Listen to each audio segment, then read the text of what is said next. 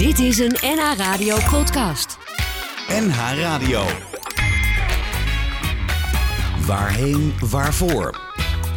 Koop Geersing. Uitvaartmuziek is wellicht de ultieme troostmuziek.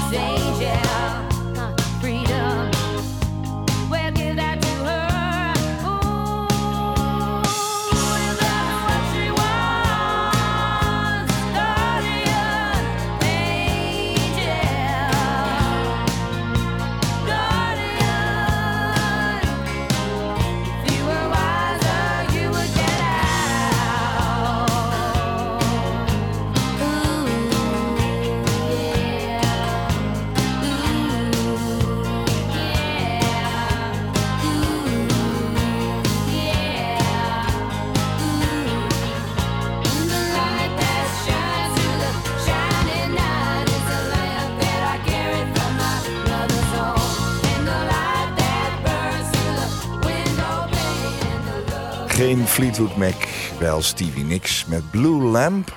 En mijn gast heeft dit nummer leren kennen dankzij de cultfilm Heavy Metal uit 1981. En hij zegt erover: het is een uptempo lied vol verlangen, kracht, maar ook tederheid en vraagtekens in de gitaarmotieven en teksten. En dan natuurlijk de fantastische stem van Stevie Nicks, bekend van Fleetwood Mac. Welkom bij Waarheen Waarvoor op NH Radio. Wat fijn dat je luistert naar dit gesprek met een gast. Vandaag in het bijzonder over uitvaartmuziek. Alle afleveringen van Waarheen Waarvoor kun je als podcast terugluisteren via NH Radio.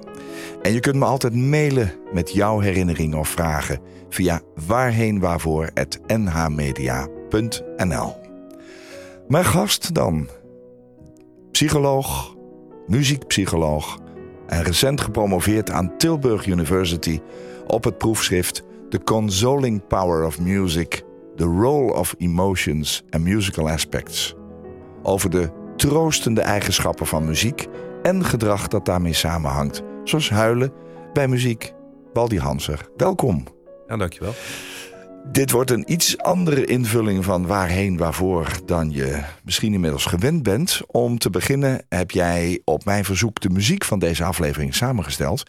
En we hebben ook muziekfragmenten klaarstaan als voorbeeld. En die gaan we straks bespreken. Ja, dan maar even meteen naar dat eerste liedje. Blue Lamp van Stevie Nicks. Dat komt van jouw lijst. Waarom? Uh, ik vind het heel mooi en ik kan er eigenlijk naar blijven luisteren. Uh, het lijkt ook door te blijven gaan. Dus het is ook, uh, ja, wat ik al zei, het zit vol verlangen en kracht, maar ook vraagtekens. Uh, het is, ik heb eigenlijk geen flauw idee waar de tekst over gaat ook. een beetje mysterieus. Ja. Maar ja, het, het heeft uh, een enorme aantrekkingskracht op mij en iedere keer weer. Oh, je hebt de tekst ook niet gelezen dus? Ik heb het wel uh, stukjes uh, bekeken. Maar Ja. er zit- zitten bepaalde stukjes in die zijn heel sterk en heel mystiek. Ja, het is echt wel de klank van Fleetwood Mac, hè? Ja, ja. Ja.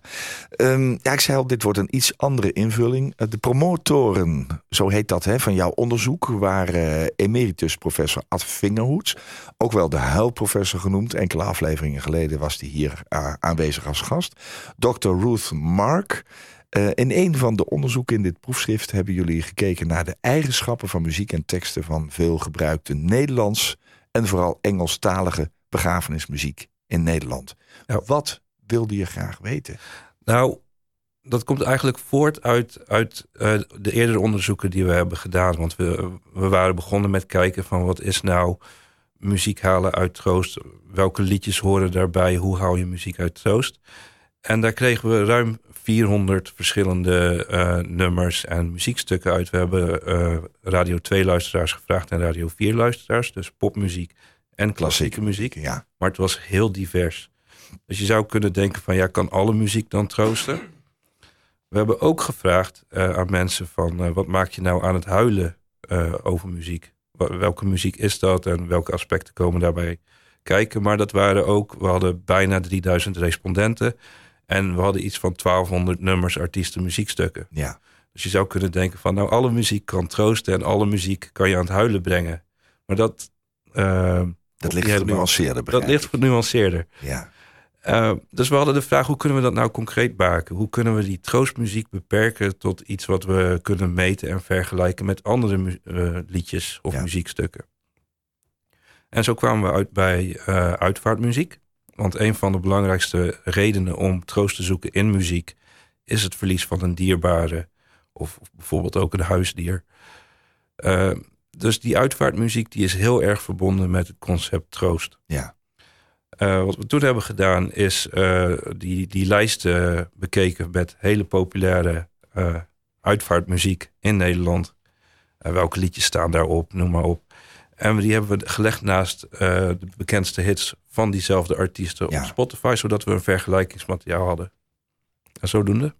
Kun je, jij zegt uitvaartmuziek, is, is dat een categorie? Want, uh, ik, ik, ik, heb zelf ooit wel eens verteld in een van deze uitzendingen dat ik heel graag Hey Jude van de Beatles op mijn uitvaart zou willen horen. Maar het heeft niet zoveel relatie met, met uitvaart of zo, toch? Nee, uh, uitvaartmuziek is uh, eigenlijk heel persoonlijk. Maar we hebben wel bepaalde muziek die we daarvoor heel geschikt achten. En wij wilden kijken naar die aspecten. Wat maakt het nou extra geschikt? Dus waarom is zo'n Hey Jude misschien eigenlijk wel het perfecte uitvaartliedje? Oh ja, op die manier. Ja. Wat, wat, heb jij persoonlijk met uitvaartmuziek? Want uitvaartmuziek komt natuurlijk, je zei het al, hè, na verlies. Uh, ja. uh, rouw, uh, loslaten, verdriet soms heb je het nodig om extra verdrietig te zijn. Dat kan ook een prettig gevoel zijn of zo. Hoe, hoe zit dat bij jou zelf? Ja, ik heb ook verdriet gekend. En, uh, maar die primaire reden bij mij is toch echt wel um, vanuit de troost. Ja. En voor mij is muziek ook echt een troost. Voor mij persoonlijk. Ja, voor jou persoonlijk. Waarom? ik haal er heel veel kracht uit en ontspanning. En je kunt het loslaten, net zoals bij zo'n Stevie Nicks nummer. Dan dan val, valt alle ellende van je af. Um, en je kunt ermee door. Het ja. je weer op. Ja. Zonder, ja. Maar het, het, erkent ook je, je verdriet en uh, het oordeelt niet. Ik heb de afgelopen ehm, tien jaar gewerkt als uitvaartverzorger. En eh, voor mij is dit professioneel dus ook een heel mooi onderzoek. Want ik heb natuurlijk heel veel liedjes voorbij horen komen bij plechtigheden. Eh, ik heb acht fragmenten van jou doorgekregen waar we iets over zouden kunnen vertellen. Ik wil er even eentje laten horen. Dat is een liedje wat ontzettend vaak voorbij komt bij een uitvaart. Als het onweer komt en als ik dan bang ben, mag ik dan bij jou? Als de avond valt en het is mij te donker, mag ik dan bij jou? Als de lente komt en als ik dan verliefd ben, mag ik dan bij jou? Als de liefde komt en ik weet het zeker, mag ik dan bij jou? Mag ik dan bij jou schuilen als het nergens anders als ik moet huilen, droog jij mijn tranen dan? Claudia de Brij, mag ik dan bij jou? Is een troostliedje, lijkt me. Ehm, waarom is dit fragment zo tekenend? Ja, dit is eigenlijk precies ook wat wij eh, vonden in dat onderzoek. Aan de ene kant is het opgewekt en oppeppend, maar het is ook verdrietig, melancholisch misschien en eh, teder vooral.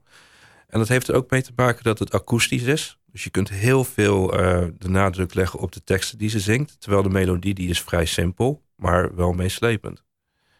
En eh, ja, die teksten die zijn ook heel bijzonder, want eh, ze gebruikt heel vaak jou. Dat is een van de kernwoorden. En die jou is een, een tweede persoons voornaamwoord. En die woorden die zijn heel bijzonder, vooral bij rouwmuziek. Want daardoor betrek je de muziek op de persoon die belangrijk voor jou is. Dus als eh, Claudia de Brij zingt, dan denk je niet van... oh, Claudia de Brij die zingt naar mij toe. Maar je denkt aan iemand die belangrijk voor jou is. Of jij zingt het naar bijvoorbeeld de overledene. Of je, je denkt aan de overledene bij dat nummer. Ja. Of je, je ziet het als een soort laatste boodschap van de overledene aan jou. Wanneer het gekozen is door de overledene. Dus wij denken dat dat de reden is waarom die, die eh, tweede persoons voornamen woorden zo belangrijk zijn. Ja, ja. Het nummer staat ook heel hoog in eh, de uitvaart top 10. Hè? Ja, ja. Ja, het is een van de meest aangevraagde liedjes. Dat Ja. klopt. Wij laten uitsluitend muziek horen vandaag die op jouw lijstje staan. Ik ga je straks wel vragen waarom. Mijn gast in deze aflevering van Waarheen Waarvoor is Waldi Hanser, muziekpsycholoog en gepromoveerd op de troostende eigenschappen van muziek en gedrag dat daarmee samenhangt.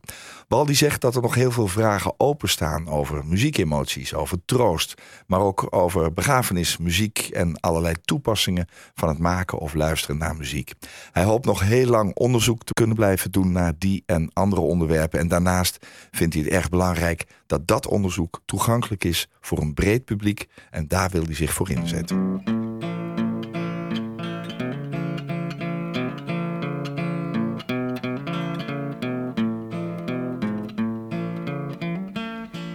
Was standing by my window on one cold and cloudy day. When I saw the hearse come rolling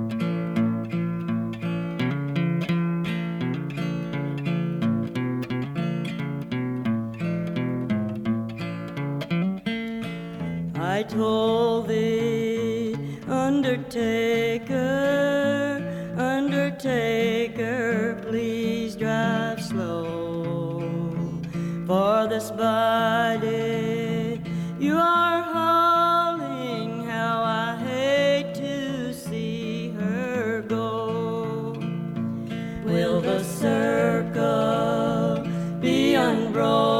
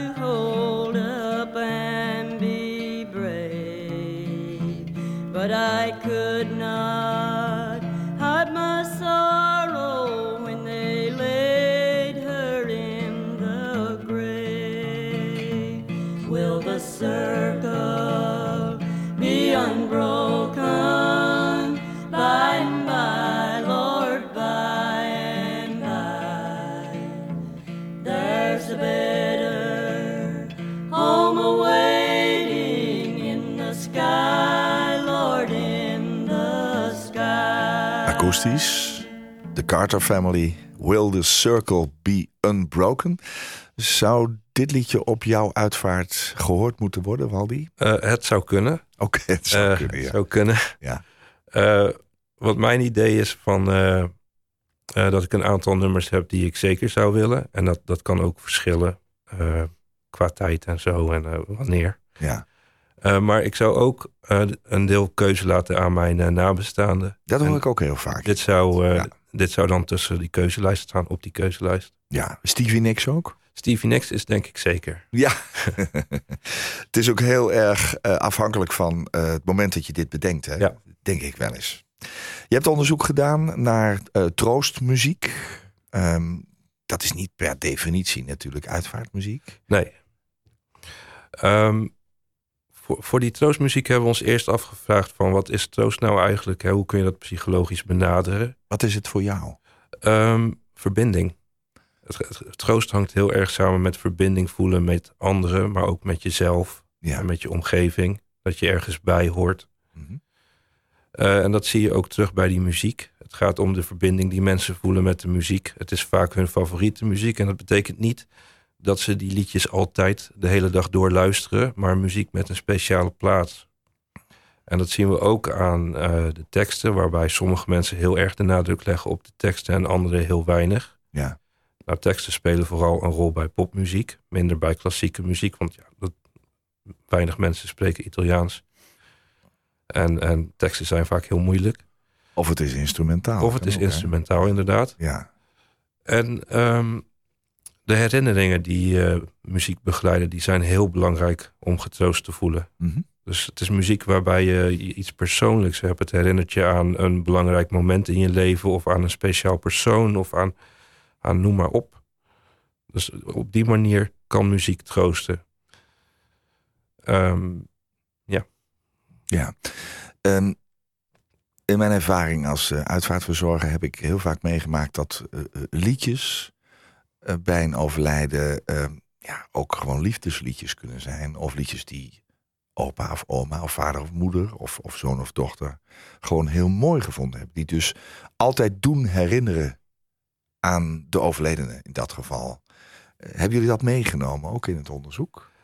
Eh, nou, het is wel zo dat we inderdaad vonden dat de meeste, eh, de meeste popmuziek in het algemeen is liefdesmuziek. Ja. Zijn liefdesliedjes. Ja. Eh, we hebben ook gekeken hoe vaak komen bepaalde emotiewoorden nou voor. Liefde is zo'n emotiewoord. En dan zagen we ook dat het woord liefde eh, in iets van 25% eh vertegenwoordigt van de emotiewoorden Oh, ja. in uitvaartmuziek. Ja. Terwijl het maar 15% was bij de controlenummers, dus bij popmuziek in het algemeen. Ja. Dus inderdaad, liefde speelt echt een hoofdrol. Een goed voorbeeld is Ik heb je lief van Paul Leeuw. Ehm, schijnbaar wordt dat heel vaak gedraaid bij het overlijden van oma's. Of bij de uitvaarten van oma's. Ehm, en eh, die tekst is ook bijzonder omdat het heel, heel erg de nadruk ligt op het stukje ik heb je lief en veel minder op de rest. Terwijl de rest is echt een liefdesliedje. Maar dat ik heb je lief, dat springt eruit. En het zijn die herhalende refreinen waar de nadruk op ligt en waar mensen dan waarschijnlijk extra op focussen.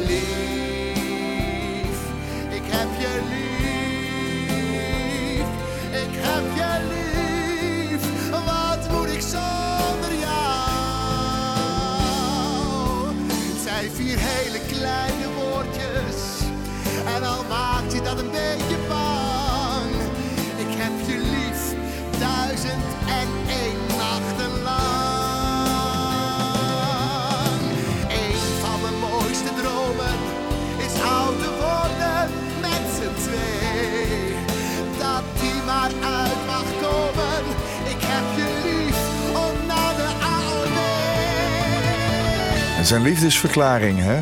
En dat kan natuurlijk ook aan een oma. Ja. ja. Dus o- bij oma's kwam dit liedje vaker voor. Eh, ja, wij konden dat niet testen. We hebben echt archiefonderzoek gedaan. Ja. Dus we weten niks over de mensen die die muziek kiezen. Nee. Eh, dat is misschien iets voor vervolgonderzoek. Ja, maar ja. het was dat dit eh, vaak aangeraden wordt voor oma's. Ja, ik heb je al gevraagd, hè? ken je zelf eh, verlies van, van dichtbij? Eh, je hebt me laten weten in onze eh, mailvoorbereiding dat een van eh, jouw opa's, eh, die heb je nooit gekend. Ja, dus je hebt wel een opa, maar je kent hem eigenlijk niet. Hij is overleden voordat je werd geboren. Ehm, maar je hebt ook wel meegemaakt dat ehm, jouw oom, een broer van je vader, door een ongeluk overleed. Was je toen al bewust van eh, de werking van muziek op eh, bijvoorbeeld een uitvaart? Eh, ik was toen wel al met onderzoek bezig naar muziek en Mhm. emotie. Maar dat ging er meer om over muziek en eh, emotiewaarneming. Ja,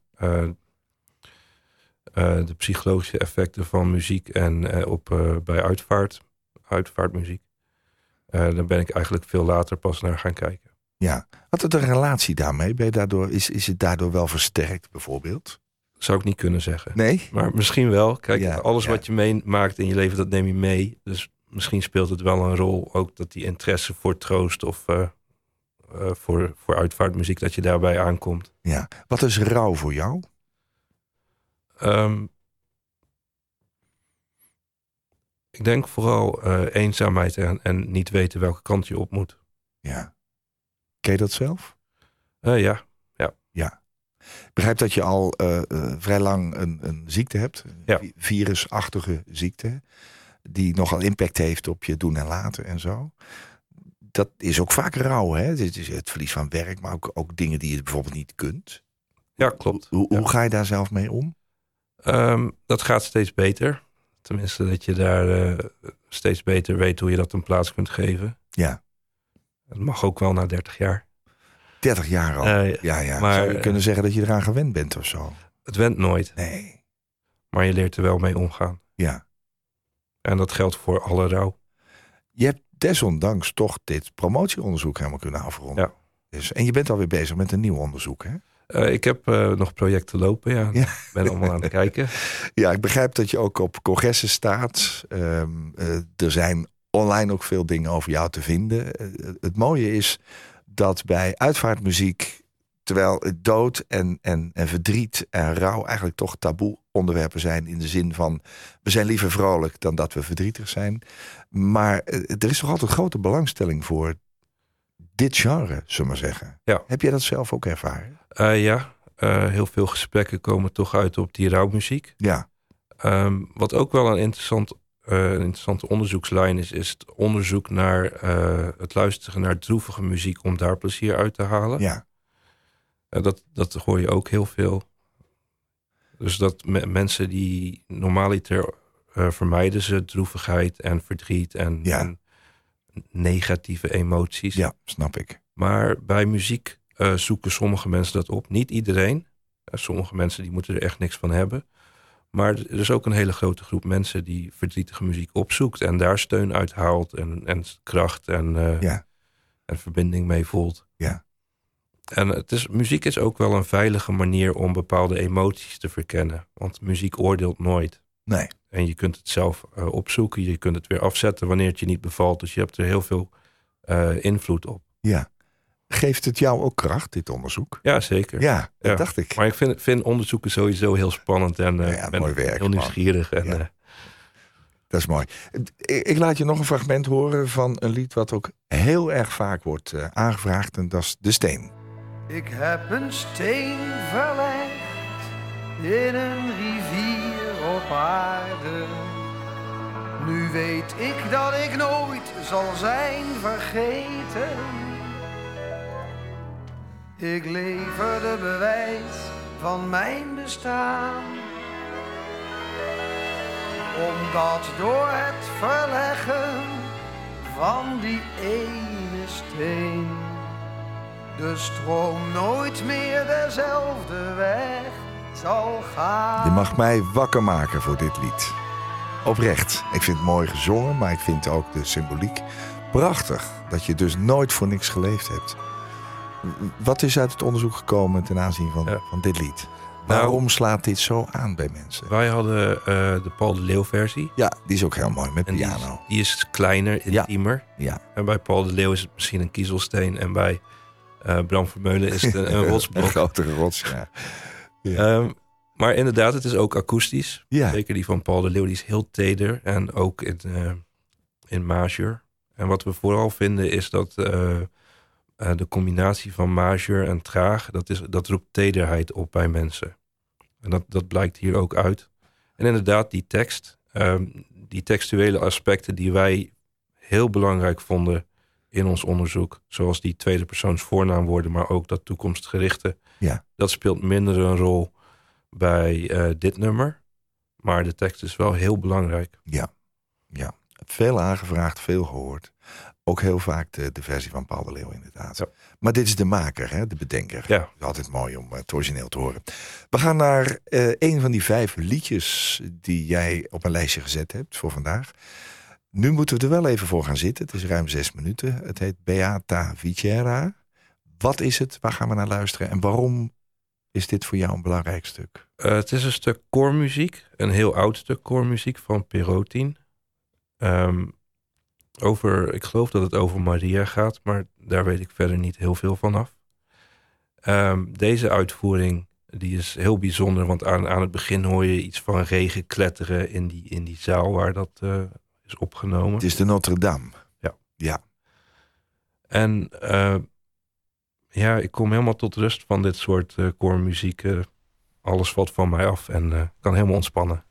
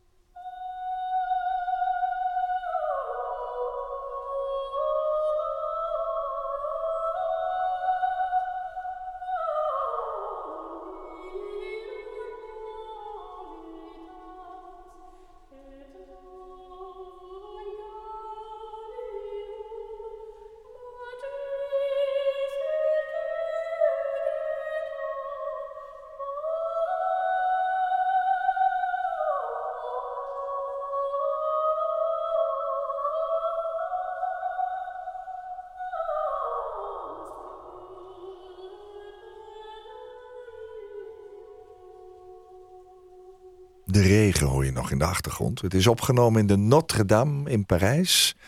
Beata Vicera, geschreven door Perrotin de Grote, werd hij genoemd. Een Franse componist die rond het jaar 1200 actief was. Dat is allemaal mooi overgedragen. Eh, en de Engelse componist, dirigent en producer Anthony Pitts... die eh, dirigeerde het koor. Nou ja, is hier sprake van een koor. Het is eigenlijk eenstemmig, hè? Dus Ja. het is één stem. We zijn er niet achter wie dit zingt. Ik kan het niet vinden, nee. nee. Dat is vast in het boekje. Ja, het- eh, dat boekje hebben we dan niet, want het komt natuurlijk uit een digitaal systeem. Ehm, het zit in de film The Name of the Rose met Sean Connery. Daar speelt hij een monnik die iets- een moord moet komen oplossen, of veel, vele moorden. En dat herinner ik me. Maar je had nog een film hè, waar die in zit. Ja, volgens mij ook de Italiaanse film La Grande Bellezza. De Ode aan Rome. Ja, ja. Dus dit wordt vaker gebruikt. Nou, we zijn tot rust gekomen. Mooi. Ja, mooi. Dank je wel daarvoor. Begrafenismuziek is ook een eh, onderwerp van troostmuziek, hè, waar het onderzoek naar uit is gegaan. Eh Waldi Hanser is mijn gast hier vandaag in Waarheen Waarvoor. Jij omschrijft eh, begrafenismuziek als karakteristieken van veel gebruikte begrafenismuziek over het algemeen toch droeviger, minder energiek en dansbaar, trager, vaker akoestisch dan popmuziek in het algemeen. Ja. Vaak majeur. Ja. Ja, majeur, niet mineur. Nee. En traditioneel gezien waren hymnes in de kerk wel vaak in eh, mineur voor begrafenis. Ja, dat maakt het ook wat zieliger, toch? Ja, ja. Maar popmuziek is over het algemeen vaak eh, in majeur. Oké. Het is wel zo dat popmuziek, eh, dat werd geboren als een genre dat heel vaak in majeur was. En het waren vaak hele vrolijke liefdesliedjes in Ja. de jaren 50, 60. Ja. En naarmate popmuziek ouder is geworden, is het wel steeds trager geworden. Waardoor we ook vaker popmuziek hebben die ook droeviger klinkt. Omdat we tragere muziek associëren met droevigere eh, gevoelens. Ja.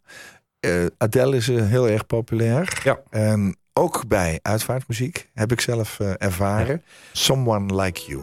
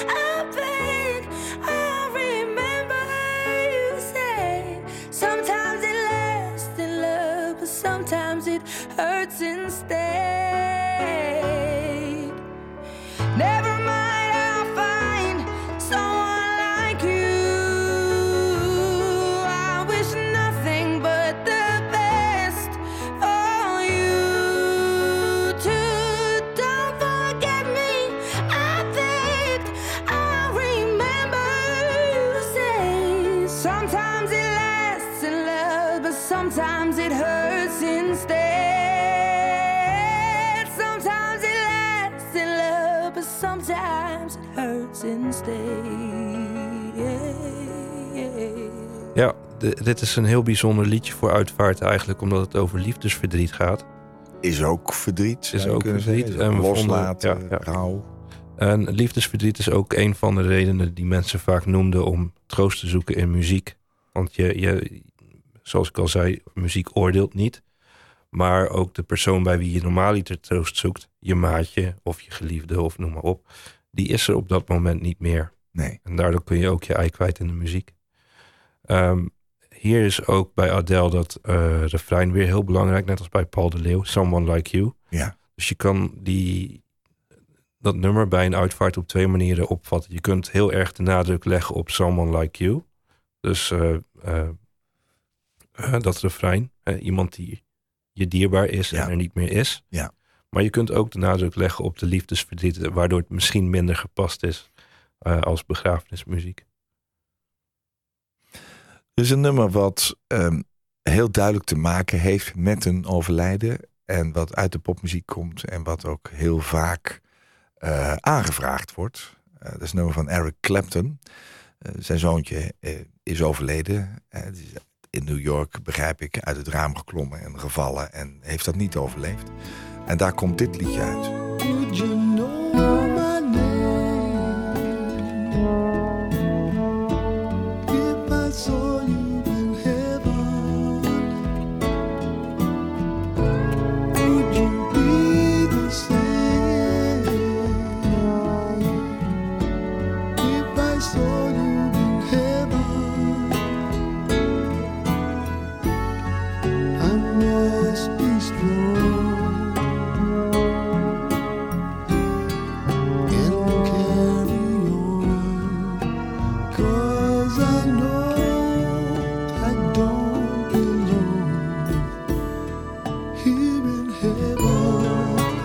Hartverscheurend.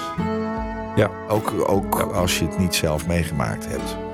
Ik zie heel vaak mensen bij dit liedje gaan huilen. Klopt. Maar het is ook weer akoestisch. En er zit heel veel eh, gevoel in. Eh, het is een enorm beladen onderwerp. Het overlijden van een kind. Ja. Verlies van een kind. Ja, Dus ja, het, het is echt eh, echte uitvaartmuziek. ja, ja. Dit hoort er echt bij, hè? Ja. ja. Tears in Heaven. Ja, als je het dan hebt over emoties rondom verlies en eh, rouw. Ik heb jou gevraagd welke persoonlijke gebeurtenis zul je altijd met je meedragen. En toen heb je onder andere gezegd... eh, herinneringen aan het ziekteproces van mijn tante. Maar ook dat toen ze overleed haar crematie in de ochtend was... en mijn diploma-uitreiking op school in de middag. Ja, Dat is een bijzondere dag. Dat, Eh, Jouw tante was een zus van mijn een zus van mijn vader. Vader. En, die is heel lang ziek geweest. Ja. Eh, en daar uiteindelijk aan overleden. ja, had je daar een goede relatie mee? Ja, Dichtbij? Ja. ja. Hoe heette ze? Eh, Inge, Tante Inge. tante Inge. Ja. Eh, Dat zijn wel twee grote emotieverschillen, hè? 's morgens een crematie, ja, plechtigheid en dan... klopt. Die, dus dat contrast was heel groot. Ja, En dat is vooral wat ik me van die dag herinner. ja, ja. Het verschil in... Ja. ja. Je zou ook kunnen zeggen, dankzij het feit dat je ochtends misschien verdrietig was... kon je smiddags weer heel erg uitgelaten zijn, opgetogen. Of sleepte het voort? Ik denk dat het vooral voortsleepte. Ja? Want ik weet, er, ik weet niet meer dat ik heel uitgelaten was. Het, Nee. was eh, het was er gewoon. Ja. En soms moet je het daarmee doen. Ja, dat is ook zo. Ehm, Tim Curry, I'm Going Home. Op jouw uitvaart of niet? Eh, deze waarschijnlijk zeker. Ja, Ja, ja. waarschijnlijk zeker. Dat is een mooie voor een wetenschapper.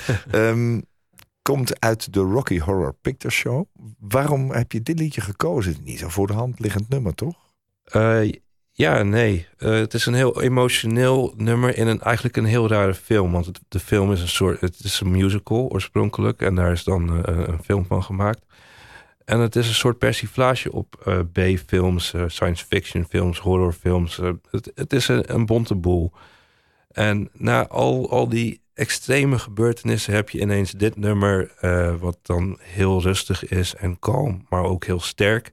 Met een aantal echt prachtige tekstfragmenten erin. Van I'm, I'm Going Home, de titel al. Ja, naar huis gaan, ja. O- over naar huis gaan. Maar hij, hij zingt ook van... nu ik naar huis ga, wil ik wel eens terugkomen en dan blijf ik. Oh ja.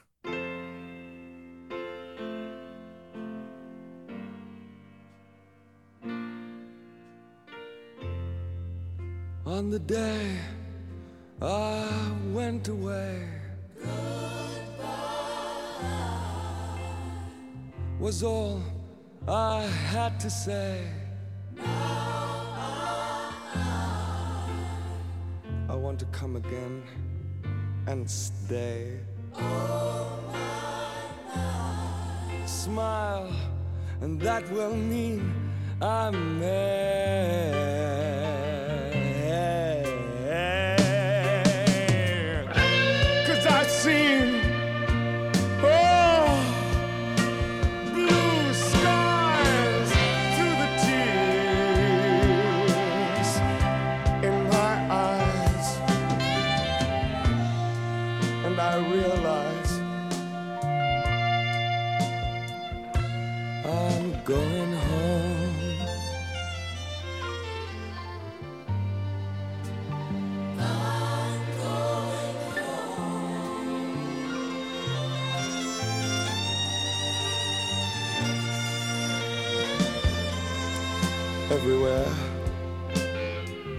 Been the same. Like I'm outside in the rain. Free to try and find a game. Cards for sorrow, cards for pain.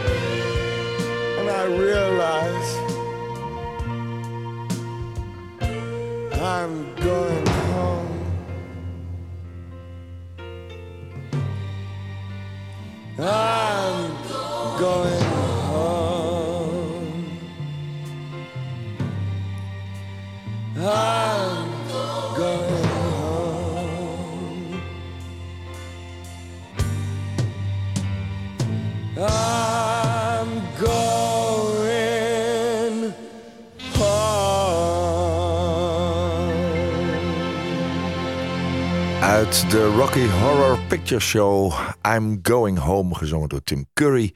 En die vertolkt in de film en in de musical de rol van Dr. Frankenfurter. Dat, zijn jouw, dat is jouw tekst. Ik zie jou nou kijken. Want, Ja, dat, dat is jouw tekst Dat hoor. Ja, ja. heel gelukkig. Ehm, we hebben nog een derde onderwerp. Eh, misschien zei jij, kunnen we dat hebben over. Misschien kunnen we praten over muziek en emoties in het algemeen.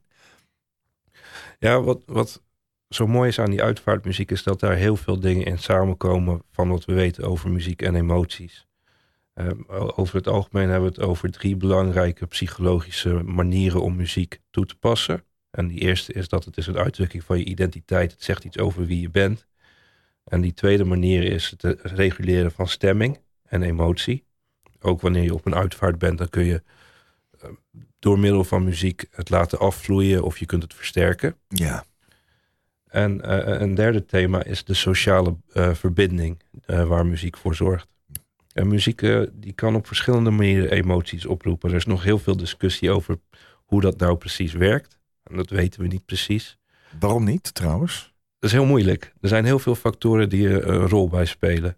Eén ding is dat muziek eh, eh, allerlei genotcentra in de hersenen activeert, waardoor je Oh ja. prettig vindt klinken. Ja. Maar dat prettige, dat komt ook weer voort uit de muziek zelf. Hoe het klinkt, bepaalde tonen, ritmes. Ja. Ehm, bijvoorbeeld eh, kippenvel is heel erg gerelateerd aan, aan ritmes. Terwijl eh, melodieën, die zijn vooral gerelateerd aan tranen. Dus op die manier eh, kan muziek op allerlei manieren tegelijk of afwisselend emotie oproepen. Hè. Muziek is niet stilstaand. Het is niet iets waar je naar kijkt en dat is het. Nee. Het gaat iedere keer door, dus het verandert ook constant. En daar kunnen componisten mee spelen door bepaalde gevoelens op te roepen of, of te benadrukken. Ja, muziek en huilen is, is ook een groot deel van je onderzoek geweest. hè? Ja. Eh, er zijn ook mensen die hebben liedjes geschreven eh, met in het hoofd van dit is straks ook op mijn uitvaart eh, te draaien. Ja. Sterker nog, ik denk wel eens dat mensen gedacht hebben van nou dit zal straks wel veel aangevraagd worden. Dat is natuurlijk ook zo. Ik heb er een voorbeeld van van Robert Long. Dit is een liedje voor als ik er niet meer ben. Voor als er afscheid van mijn resten wordt genomen. Ik hoop tenminste dat de vrienden die ik ken ook inderdaad die laatste keer nog willen komen. En dat ik ook voldoende stof heb nagelaten voor wat verhalen die je glimlachend vertelt. En dat je toch met liefde over me kunt praten, al heb ik jullie soms dan ook teleurgesteld. Dit is een liedje voor de aula bij mijn kist. Voordat ik weggedragen word door de supposten. En voor de koffie en de cake wordt opgedist. Het is bedoeld om wie er achterblijft te troosten. Nou ja, je mag natuurlijk best een traantje laten. Dat vind ik ergens ook wel weer een compliment. Maar niet te lang dan, want je weet dat zal niet baten. Wie overleden is, die blijft dat tot het eind. Dit is een liedje voor het feest dat achteraf nog wordt gevierd door alle vrienden en vriendinnen die nog wat aarde en wat bloemen op mijn graf hebben gestrooid en daarna kan het feest beginnen. Dus vul de glazen en bespreek mijn fouten mild. Denk aan me terug met wat vertedering en weemoed. Mijn laatste feest, dus lach en dans zoveel je wilt. Een maf idee, jouw feest waaraan je zelf niet meedoet. Robert Long, hij overleed ook aan een ziekte. En hij wist dat hij dood zou gaan en heeft dit geschreven. Eh, het, het ligt er nogal dik bovenop, zou ik zelf zeggen. Ja. Eh, wat ook interessant is aan dit fragment is dat het heel statig klinkt. Dat is ook een kenmerk van, van eh, uitvaartmuziek. Wat bedoel je daarmee? Ehm, het heeft iets plechtigs. Oh ja. Dus op die Oh ja. manier statig Ja. plechtig. Ja. Terwijl het, de tekst die is ook heel warm. En ook weer akoestisch. Maar heeft het ook over de supposten, Ja. de kist, weggedragen. Het zijn allemaal wel tearjerkers, hè? Eh, voor de koffie en de cake. Ja. eh interessante is bij popmuziek is ook eh, heel vaak gaat het niet specifiek over de dood. Dan wordt het een beetje omvloerst of niet eens benoemd. Nee, Soms gaat het helemaal niet over doodgaan nee. of afscheid nemen. Nou, het bijzondere aan dit li- liedje is dat hij een aantal eh, woorden gebruikt, maar dat hij in de muziek aan het eind van het liedje naar een, een walsje gaat. Ja. een, een feestelijk. Wat ik heel veel mensen bij een uitvaart ook hoor zeggen. We willen het leven vieren. Ja. Dus hij draait de emotie aan het eind om. Klopt, ja. Ik heb er nog eentje van Guus Meeuwis, De Weg. Jouw stralende lach en je mooie gedichten.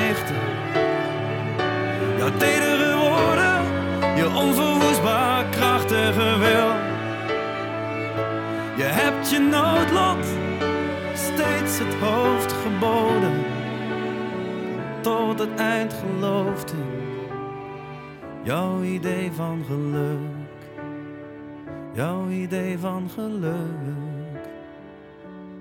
Ik ga niet weg. Ik heb nog wat tijd gekregen. Ik zal altijd maar doorgaan. Tot aan het eind. Ik heb je voor altijd mijn hart gegeven. Ik draag je bij me tot het licht straks dooft. Ik draag je bij me tot het licht straks dooft. Heeft dit nummer een onderdeel uitgemaakt van het onderzoek? Het zat er volgens mij wel tussen. Eh, het werd ook vaak genoemd bij muziek die mensen aan het huilen maakt. Dit. Ja. Ja, en wat doet dat? Wat zorgt daarvoor? Eh, bij huilen gaven mensen aan dat het ook vooral om de melodie draait. Maar, eh, of om de muziek zelf. Maar dat is veel meer voor mannen dan voor vrouwen. Eh, de teksten zijn vooral belangrijk en droevige herinneringen. Maar ook nostalgie. Ja, En dat maakt mensen aan het huilen. ja. En dit is natuurlijk een enorm nostalgische tekst. Is dit ook, kun je dit ook troostend noemen? Eh, dat denk ik wel. En in hoeverre verschilt muziek van andere vormen van troost zoeken? Eh, Gesprekken aangaan of wat Ja. ook. We hebben mensen gevraagd, kun, kunt u nou beoordelen een aantal gedragingen van eh, wat biedt u nou veel troost? Mhm. En de drie echte troostmakers, dat zijn muziek, luisteren naar muziek, maar ook eh, het gezelschap van anderen of andere mensen opzoeken en huilen. Maar er is ook gedrag wat echt niet troostend is of niet heel erg. En dat was eh, alcohol, maar ook eh, eten of op de bank gaan zitten met een Oh ja. film of een warme douche. Het is wel zo dat die dingen bij elkaar kunnen troosten, maar het lijkt erop alsof dan de verbinding met anderen verbreekt. Dat stukje wat ik daar straks benoemde, eh, je verbonden voelen met andere mensen. Ja. Muziek, gezelschap van anderen en tranen, die zorgen daar wel voor. Dus dat is misschien de reden waarom muziek kan troosten.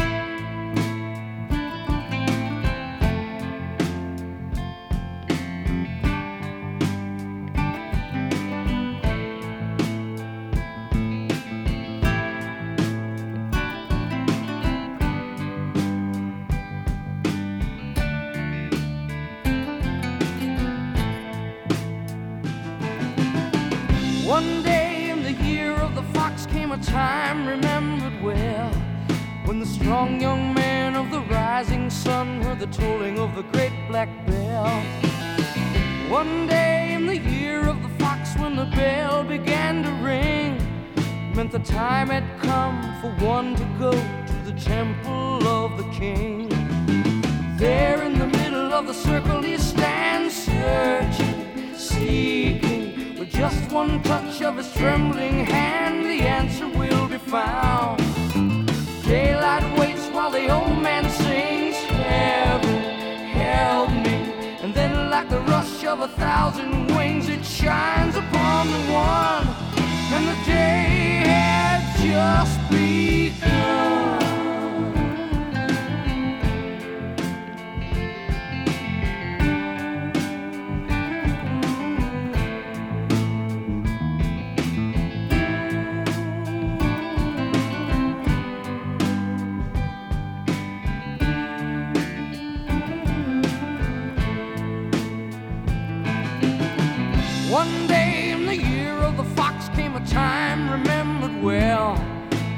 Strong young man of the rising sun heard the tolling of the great black bell.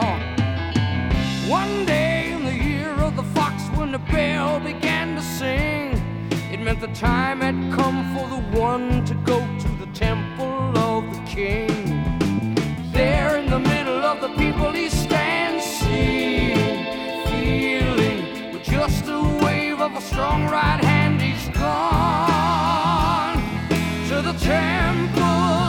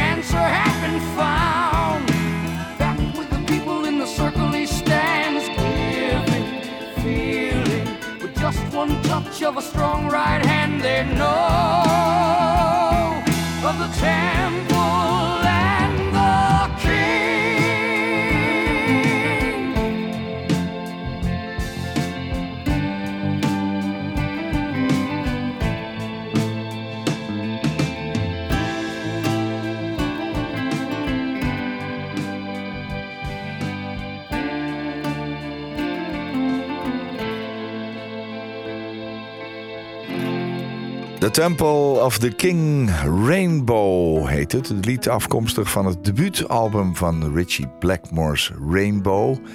En we kennen Richie Blackmore als de ex-gitarist van Deep Purple natuurlijk. En op zang Ronnie James Dio.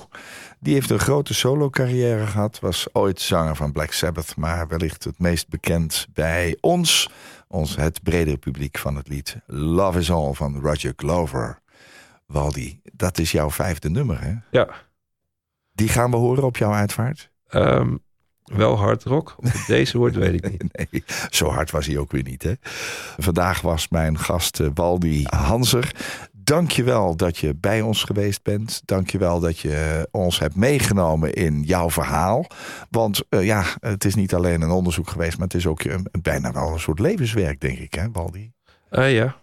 ja, ik ben er lang mee bezig. Ja, nog steeds? Nog steeds, ja. Nog steeds, ja.